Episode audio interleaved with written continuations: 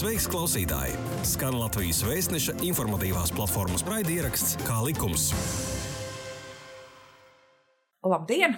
Uh, ir burvīga rudens trešdiena, un kā allaž šajā dienā skan Latvijas vēstneša raidieraksts Kā likums. Šoreiz ar jums un mūsu viesi runāšu es Zaida Kalniņa, un sarunai es piedāvāšu daudziem jaunajiem vecākiem, kuru bērniņi apmeklē pirmskolas izglītības iestādi vai sarunu valodā bērnu dārzu, manuprāt, noderīgi informatīvu jautājumu skaidrojumus. Proti, kas jāzina vecākiem par līguma saistību noslēgšanu un par bērndārzos saņemamajiem pakalpojumiem. Gluži pirms dažām nedēļām patērētāju tiesību aizsardzības centrs izplatīja informāciju par iestādes realizētu uzraudzības projektu. Proti, vēl 2019.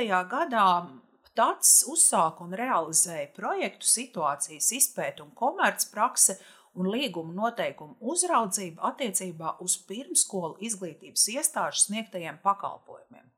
Kā vēstīja iestāde, projekts notika ņemot vērā pats saņemtās sūdzībās iezīmēto problemātiku saistībā ar pirmskolas izglītības iestāžu sniegtajiem pakalpojumiem, kā arī faktu, ka, protams, šādu pakalpojumu izmanto ļoti plašs iedzīvotāju lokus. Uz sarunu esmu aicinājusi patērētāju tiesību aizsardzības centra pirmās patērētāju kolektīvo interešu uzraudzības daļas vadītāju Elīnu Kreceli Germani. Labdien, Elīna! Labdien! Elīna, sakiet, vai jūs pati arī esat šo pirmskolas izglītības iestāžu pakalpojumu saņēmēji, vai tieši runāsiet ar mums tīri kā iestādes, vai arī varbūt šajos divos statusos? Runāšu divos statusos. Esmu arī mamma diviem bērniem, un šobrīd tieši eju to procesu, kad bērns uzsāk gaitas bērnu dārzā. Jā, lūk, es arī gatavojoties šai sarunai, piemēram, iztaujāju savu meitu par līgumu noslēgšanu un pakalpojumiem viņas meitiņas. Un man šķita, ka uh, viss tur bija kārtībā. Bet eh, varbūt stāstīsim nevis par mūsu pieredzi, runāsim par lietām un ņemot vērā raida ieraksta ātro, tā teikt, iztecēšanas laiku, eh, ķersimies pie jautājumiem. Pirmais jautājums, Elīna, būs jums par projektu. Tātad patērētāja tiesība aizsardzības centrs pirms diviem gadiem, pamatojoties uz iedzīvotāju iesniegtajām sūdzībām, realizēja šo projektu. Sakiet, cik kopumā sūdzības jūs saņēmāt, un vai tās bija vairāk par pašvaldību mm, šiem bērnu dārziem vai privāto bērnu dārzu pakalpojumiem? Jā, es varbūt tā īsumā par pašu uzraudzības projektu. Projekts tika īstenots ņemot vērā gan iestādēs saņemtās sūdzības un šajās sūdzībās iezīmēto problemātiku, uh, kā arī saistībā ar faktu, ka šo pakalpojumu saņem ļoti plašs iedzīvotāju lokus. Un tas faktiski arī bija tas noteicošais, kāpēc mēs ņēmām šo jomu nozari izpētīt kā vienu no prioritātēm attiecīgajos gados, lai saprastu un apzinātu šīs problēmas, kas pastāv. Un, vai un cik daudz mēs, kā patērētāju tiesību aizsardzības uzraugošā iestāde, varam atrisināt šīs problēmas. Atbildot uz jautājumu par to, vai vairāk sūdzas ar, par pirmskolas izglītības iestādēm, privātajām vai pašvaldību, jāsaka, ka problēmas, pamat problēmas ir līdzīgas, neatkarīgi no šī finansējuma veida. Protams, privātajos bērnu dārzos ir ievērojami lielāka pakalpojumu maksa. Līdz ar to šie strīdi un šo strīdu situāciju par to ir vairāk. Un sakiet, cik bija šo sūdzību kopumā, kas lika jums vispār šo projektu uzsākt, ka jutāt, ka ir nepieciešamība? Kā jau es teicu, sūdzību skaits nebija noteicošais. Tas pakalpojumu saņēmējiem plašais lokus un tas, ka problēmas atkārtojās iesniegumos, līdz ar to mēs sapratām, ka ir mazliet jāpēta dziļāk, jāsaprot, kas notiek šajā jomā un šajā nozarē. Tad varbūt varat pastāstīt par kādiem pakalpojumiem izglītības iestādēs pirmskolas vecāki sūdzējās? Visbiežākie šie iesniegumi, topiki, jeb sūdzības ir par, par pakalpojumu maksām, par papildus maksājumiem, par vietas saglabāšanas maksu, par līguma laušanas maksu, par maksas paaugstināšanu. Tās tās visbiežāk sastopamās problēmas un tas, kas parādās iesniegumos. Kā vērtējot šīs sūdzības, vai tās bija pamatotas jūsuprāt, un vai tāds arī pieņēma kādas lēmumus attiecībā uz konkrētajiem iesniegumiem?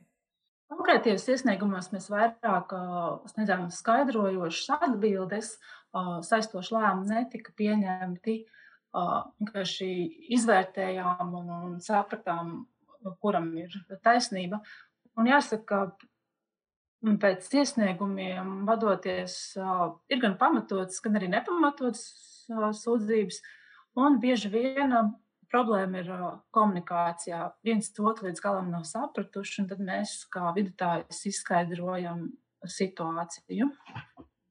Tā jau vienmēr ar to komunikāciju mums ir, ka nesaprotam un baidamies pārjautāt, bet vaski eh, meklējam palīdzību kaut kur no malas. Taču, manuprāt, jūsu šis projekts ir ļoti vērtīgs kopumā. Eh, un sakiet, ja Latvijā es paskatījos statistikas pārvaldes datus uz 2000. gadu, gan bija informācija, ka darbojas pāri par 600 šīm pirmskolas izglītības iestādēm, 643 tad cik šīs iestādes jūsu projektā bija iesaistītas? Es varbūt tā īsi izstāstīšu, ka projektā bija divi mērķi. Viens bija apzināt uh, situāciju kā tādu, izpētīt, veikt uh, priekšspēti. Un otrs, uh, no mūsu tādā iestādes uzraudzības viedokļa, izvērtēt un pastīties mājaslapas, kāda informācija vispār ir šīs mājaslapas, un izvērtēt pakalpojuma līgumus, līguma noteikumus. Un mēs uzraudzības objektus, ja bērnu dārzus izvēlējāmies izlases kārtībā, lai būtu iekļauti gan pirms, privātās pirmskolas izglītības iestādes, gan pašvaldību, gan arī ievērojot šo teritoriālo principu, lai nebūtu tikai Rīga un Pierīga, bet aptverta visu Latvijas teritoriju. Un kopā mums bija Mēs vērtējām 15 bērnu dārzus, 7 privātos, 8 pašvaldību. Un kopā izvērtējām 28 šos pakalpojumu līgumus. Tas, ko es gribētu uz, uzsvērt, ka projekta mērķis nebija maksimāli aptvert visus bērnu dārzus Latvijā, kas gluži vienkārši iestādes kapacitātes dēļ nav iespējams, bet gūt tādu vispārēju priekšstatu par to, kas notiek šajā jomā, ko mēs varam darīt un kuras iestādes attiecīgi mums ir jāuzrunā, lai mēs kopīgi varētu risināt šīs problēmas.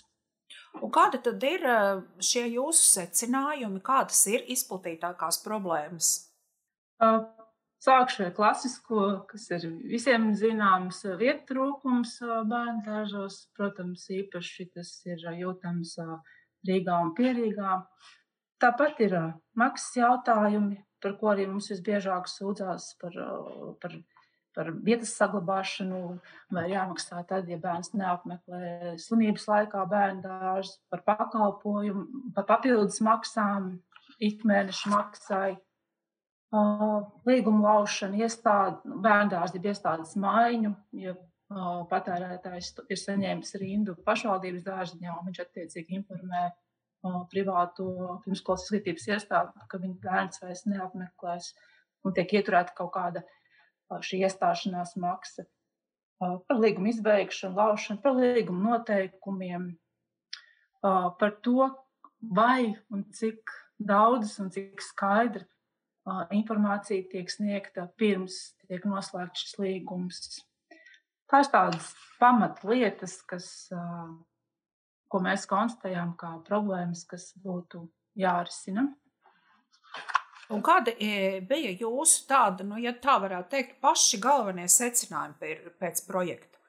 Uh, Pirmkārt, noteikti uh, tas, ka mēs patērēta tiesība aizsardzības centrs visas šīs problēmas, kuras jau es minēju, un arī citas, viena nevaram atrisināt, ka tas ir tāds kopējs iestāžu un organizāciju darbs.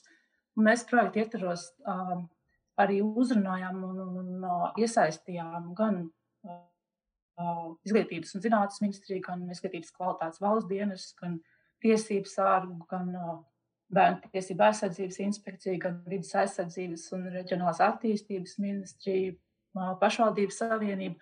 Un tā kompleksi uzrunājām visus, lai kopā mēģinātu strādāt un uzlabot šo jomu. Un mēs arī visas šīs iesaistītās iestādes un organizācijas esam informējuši par mūsu projekta rezultātiem un esam gatavi kopā turpināt šo darbu un strādāt pamat problēmas, kā jau es minēju, tā tad ir šie maksas un vietu trūkumi un līguma laušanas. Mūsu ieskatā ļoti daudz problēmu un, un, un tādu konfliktu situāciju rodas komunikācijas trūkuma dēļ, nezināšanas dēļ un informācijas trūkuma dēļ. Un pēc iesniegumiem mēs arī redzam, ka ļoti bieži uh, daudz lietas var atrisināt savstarpēji sarunājoties, izrunājot uh, un vienojoties. Tāpēc uh, ļoti svarīgi ir strādāt uh, gan uh, pirmskolas izglītības iestādēm pie tā, lai būtu maksimāli daudz informācijas, skaidras informācijas pirms līguma noslēgšanas un attiecīgi arī pakalpojumu saņēmējiem, patērētājiem, vecākiem būt aktīviem, uzdot jautājumus, interesēties par maksām, par to, cik būs papildus jāmaksā, vai būs papildus jāmaksā par iekšējās kārtības noteikumiem un tādām lietām. Vai par pašu projektu jūs vēl kaut ko vēlētos piebilst? Jo, manuprāt, mums vajadzētu arī virzīties uz šo otru sarunas daļu jau konkrēti uh, par šiem pakalpojumiem, ko jūs iesakat cilvēkiem pirms tātad šī līguma slēgšanas. Par pašu projektu vēl kaut ko piebildīsiet? Par projektu es gribētu varbūt tad nobeigumā pateikt to, ka gan rekomendācijas pirmskolas izglītības iestādēm, gan arī ieteikumu padomu patērētājiem vai vecākiem ir pieejami mūsu mājaslapā visi tie, kuriem kas ir aktuāli un interesanti, ir aicināti iepazīties. Jā, paldies. Nu, tad ķersimies pie tās otras mūsu sarunas daļas par ieteikumiem, varbūt jūsu iestādes vecākiem vērtējot šos bērndārs pakalpojumus. Galvenās jomas, kurās patērētājiem būtu jāvērtē šī pirmsolas izglītības iestāde droši vien pirms izvēlēšanās, un uh, Eh, no otras puses, man uzreiz gribas teikt, jūs arī minējāt, ka ir liels vietu trūkums, vai šie vecāki vispār var kaut ko vērtēt, respektīvi, bērnu dārzā bērns viņam būs jālaiž, un viņš lasa un saprot, ka nu nav īsti tas, kā viņš gribētu, bet ko tad, ko viņš var darīt? Jā, šī vieta problēma, protams, nu, viņa pastāv un ir pastāvējusi jau ļoti ilgu laiku, un, protams, jā, pašvaldībā ir tikai viens bērndārs, tad loģiski, ka pat mm, patērētājiem nav citu opciju, un viņam ir jāpiekrīt šiem nosacījumiem, nu, kurus jau attiecīgais bērndārs piedāvā. Bet, jebkurā gadījumā, es domāju, ka bērnu vecākiem ir, ir tiesības, un viņiem ir jāstrādā pie tā, ka jāsņem šī pilnīgā informācija par piedāvāto pakalpojumu, visu to, kas tajā ietver, kādas būs maksas, par, par ko būs jāmaksā, cik daudz būs jāmaksā, vai būs jāmaksā tad, kad es bērnu nelaidīšu bērnu dārzā, kāda ir iekšējie kārtības noteikumi. Vēl tādas papildu lietas, kam būtu jāpievērš uzmanība un, un, un jā, jāgūst atbildes uz šiem sev neskaidrajiem jautājumiem, ja tas attiecīgi arī novērš tālāk sadarbības gaitā šīs konflikta situācijas un neskaidrās situācijas. -hmm. Sakiet, vai pēc patērētāja tiesība aizsardzības centra ieskata šobrīd būtu jābūt katrai šai pirmskolas izglītības iestādē, ja bērndārzam savai mājaslapai, kur nu tad nu būtu tiešām visa informācija uh, publicēta, kas uh, cilvēkam jāzina par saņemamajiem pakalpojumiem, jo nereti jau, protams, tādā sarunā vecāks var aizmirst kaut ko pajautāt, bērndārs pārstāvis kaut ko aizmirst, izstāstīt. Tātad, kāda varētu jūsuprāt būt tā optimālākā nu, informācijas nodošana? Viens ir saruna, bet otrs vai ir jābūt mājaslapai, vai kur ir jābūt šai informācijai? Mājaslapas esamība nav obligāts uzstādījums un nosacījums, bet, protams, tas mūsu ieskatā ļoti atvieglo nu, tādu komunikāciju savā starpā un izdara tā teikt priekšdarbu arī pašam bērnu ieliekot šo informāciju par pamatlietām, par kolektīvu, par dienas režīmu, par, par pakalpojumiem, varbūt papildus, ko šis konkrētais bērns piedāvā. Un cilvēks ieiet šajā mājaslapā, iepazīst ar šīm pamatlietām, un viņam ir skaidrs, ko šis konkrētais bērns piedāvā. Protams, jāsaka, ka pašvaldību bērngārziem ir mazāk šo mājaslapu nekā privātajiem bērngārziem, kas ir protams, loģiski, jo privātie bērndārzi savā starpā konkurē, cenšoties piedāvāt nu, pievilcīgāku cenu, pievilcīgāku pakalpojumu pakotni, kvalificētākus pedagogus. Viņi arī ieinteresēti, varbūt arī vizuāli, vairāk nu, ieinteresēt un, un tā cīnīties par klientiem. Un, ja mājaslapas nav, tad varbūt jābūt, es nezinu, bērngārzā kādai nu, kopējai tādai noteikumu grāmatai vai apkopojumam, ko, piemēram, jaunajiem klientiem uh, izsniedz, lai viņiem būtu uz rokas tāds, nezinu, tā kā jūs teicāt, pakotne, ja? vai nu viņi ir rakstveidā, vai nu viņi ir papīrā. Īsti tas noteikts nekur normatīvos nav, kam ir jābūt, bet uh, Ja tas ir pašvaldība bērndārs, tad bieži vien kaut kādas pamatlietas jau ir pašvaldības mājaslapā. Pamatlietas atrunā arī saistošajos noteikumos. To kaut ko jau cilvēki uzzina iepriekš. Un, manuprāt, arī ja šī pašvaldības teritorija ir neliela, tad lielu daļu informāciju cilvēku uzzina arī nu, teikt, viens no otra. Uh, Bet vai tas vienmēr ir tas labākais? Tur arī dažreiz rodas tās domstarpības un nesaprašanās. Mums bija tā, mēs darījām tā, bet tagad varbūt kaut kas pa šo laiku ir mainījies. Tāpēc, attiecīgi, no šī mājaslapa bērnam vairāk ir jāstrādā pie komunikācijas, jārīko sapulces, kaut kādas tikšanās, kur viņi informē par, par to, ko viņi piedāvā savā bērnu dārzā. Kā likums? Kā likums? Jā, tu klausies Latvijas Vēstneša informatīvās platformas raidierakstu Kā likums. Vai vienojoties, piemēram, vecākam par bērnu vešanu uz to šo konkrēto bērnu vienmēr tiks slēgts līgums?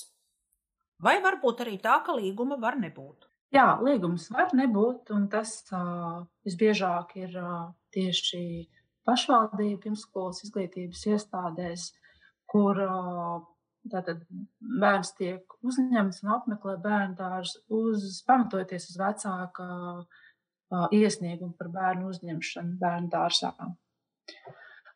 Biežāk līgumi tiek slēgti privātajos bērnu dārzos, kur tad arī vairāk tiek atrunāts visi šie maksas un citi nosacījumi. Projekta gaitā mēs gan secinājām, ka tādu bērnu dārstu, kur netiek noslēgta līguma, skaits samazinās. Līdz ar to tas arī parāda to praksi un to tendenci, ka, ja līgums, tad visa informācija būtiskā ir viena vieta, un tad abām pusēm ir skaidri šie spēles nosacījumi. Nu, rodas mazāk tādu konfliktu situāciju. Cilvēkiem vienmēr, manuprāt, ir tāda aizture vai, vai nepatika pret ļoti gariem līgumiem, kas ir vairākas lapas, mazos burtos sarakstīts, bet šajā gadījumā, ko jūs vecākiem vēlētos uzsvērt, kam būtu jābūt šādā līguma saturā? Nu, šiem tām pašām pamatlietām, nu, pakalpojumu maksa, papildus maksājumi, kad šī pakalpojuma maksa var tikt pārreikināta, vai šī pakalpojuma maksa gada griezumā var tikt paaugstināta, vai ir attiecīgi mm, atrunāts līgumā, ka šīm paaugstinājumam jābūt pamatotam, kāda ir līguma izbeigšanas kārtība. Tādām pamatlietām būtu jābūt atrunātām līgumam. Kā līgumā var tikt dēvēta šī maksa par pakalpojumu, pakalpojumu cena?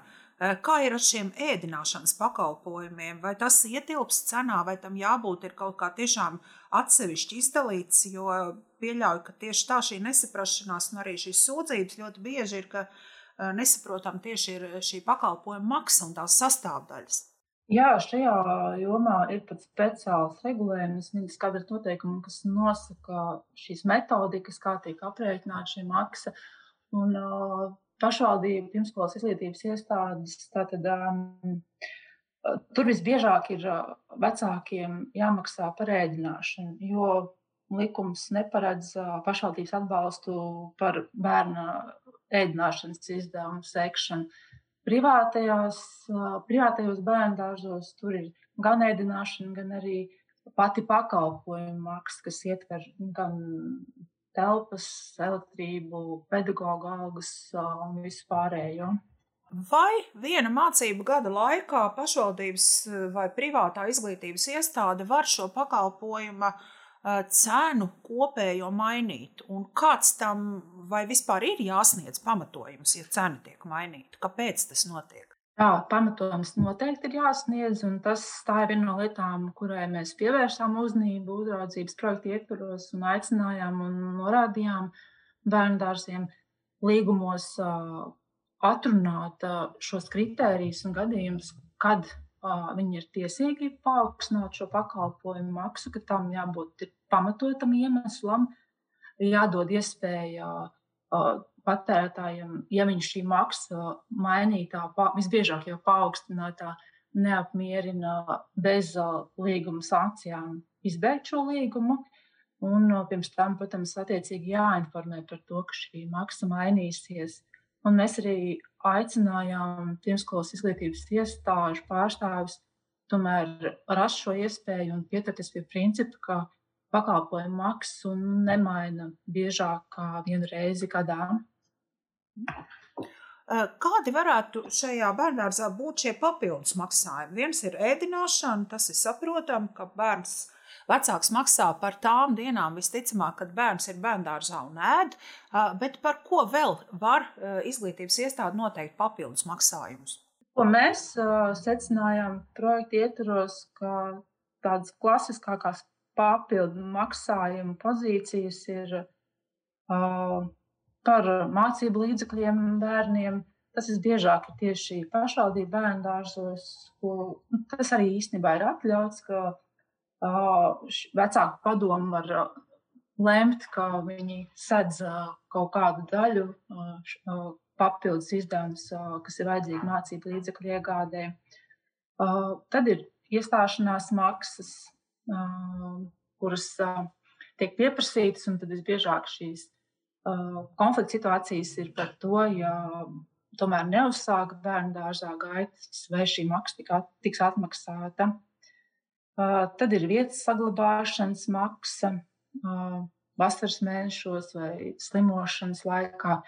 Bet šīs papildu maksas visbiežāk tomēr ir sastopamas privātajos bērnu dārzos.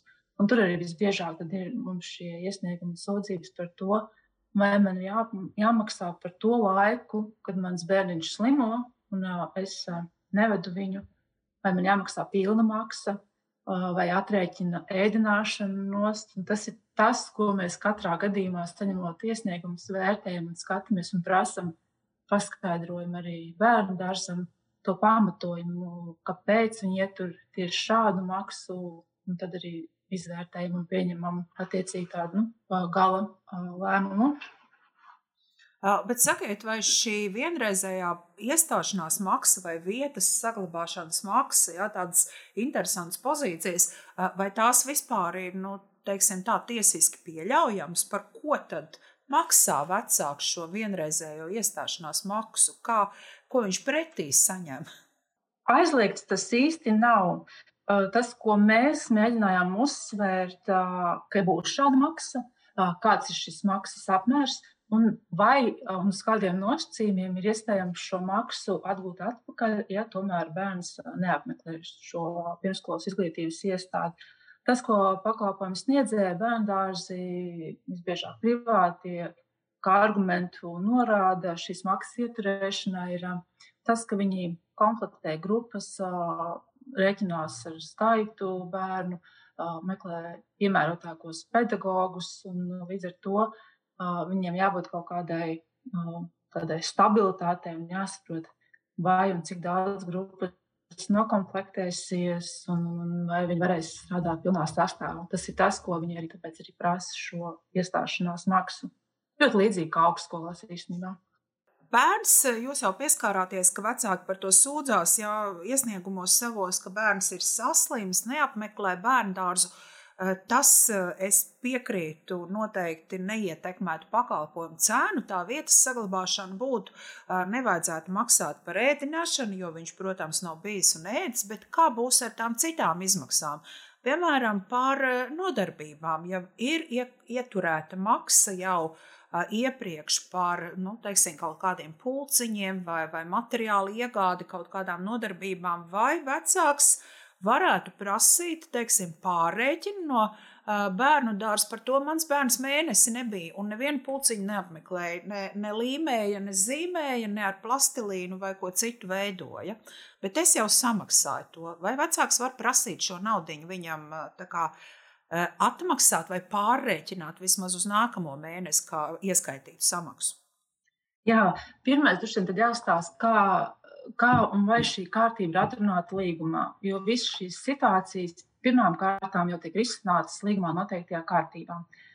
Tāpēc ļoti svarīgi pirms slēdz līgumu iepazīties ar šīm pozīcijām, saprast, vai tās vispār ir atrunātas. Uh, ja viņas nav atrunātas, tad uh, jebkurā gadījumā vērsties pie pakalpojumu sniedzēja ar šādu lūgumu nav aizliegts, un to var vienmēr darīt. Jautājums, cik pretim nākoša ir otra puse, kādi ir šie līguma nosacījumi un ir, kāda ir viņa argumentācija, ja viņš tomēr atbild, ka nē, mēs pārēķinu neveiksim. Visbiežāk, jā, kā jūs teicat, viņi nu, pamato to ar pedagoģa algu maksājumiem, kaut kādiem materiāliem, ko viņi ir sagatavojuši, jau ierēķinājuši. Un šie, šie gadījumi ir tādi indāli vērtējami un risināmi, prasot paskaidrojumu arī otrai pusē. Tur nebūs tāda viennozīmīga viena melns vai balts atbilde. Varbūt kā jums, kā šiem patērētāju aizsargiem, būtu vērtīgi vadlīnijas šajos jautājumos gatavot, jo neapšaubām es piekrītu jums, ka situācijas ir individuālas un noteikti viņas arī vēl kādu laiku individuāli tiks vērtētas, taču pie kaut kāda vienota risinājuma var droši vien nonākt arī nu, kaut ko iesakot. Bet tas ir mans vienkārši kā cilvēks no malas skatījums, un es galīgi nemācījos dzīvot vai strādāt. Elīna, iesim ātri tālāk, jo laiks jau redzījumam tuvojas izskaņām.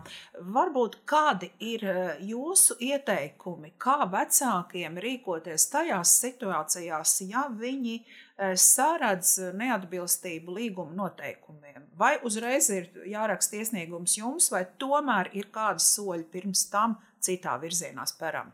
Pirmkārt, jau sākotnēji jāvērš pie konkrētā bērnu dārza pakalpojumu sniedzēja, jāmēģina šī situācija atrisināt pašu spēkiem.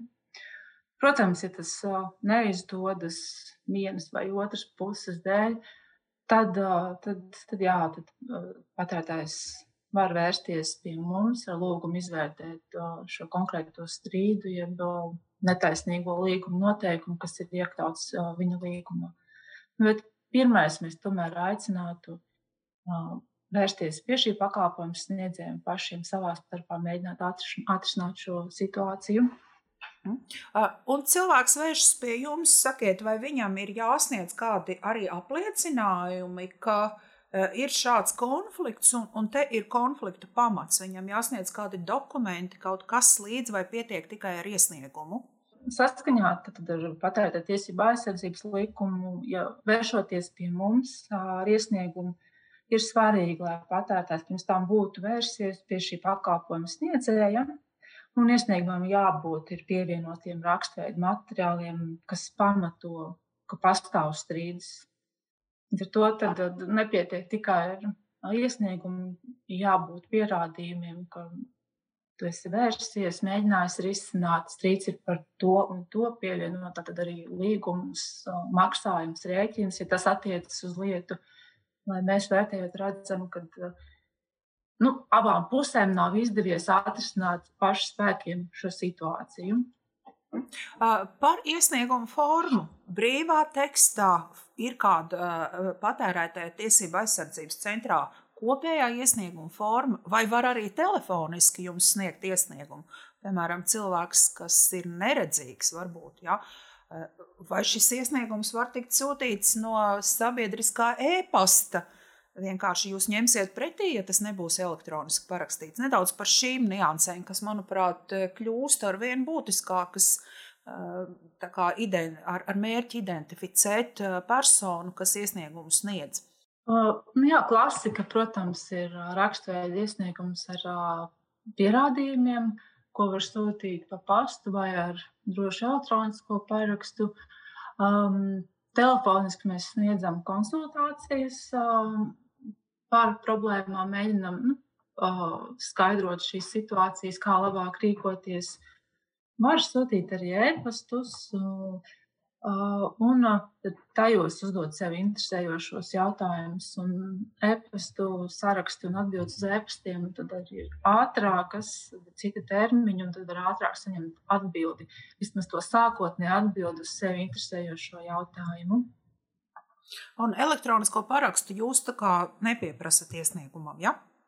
Uh, e-pastiem nē, bet ja ir oficiāls iesniegums, uh, iet ja viņš nav ar roku pārrakstīts, sūtīts pa pastu, tad, tad gan tam jābūt elektronisks parakstam.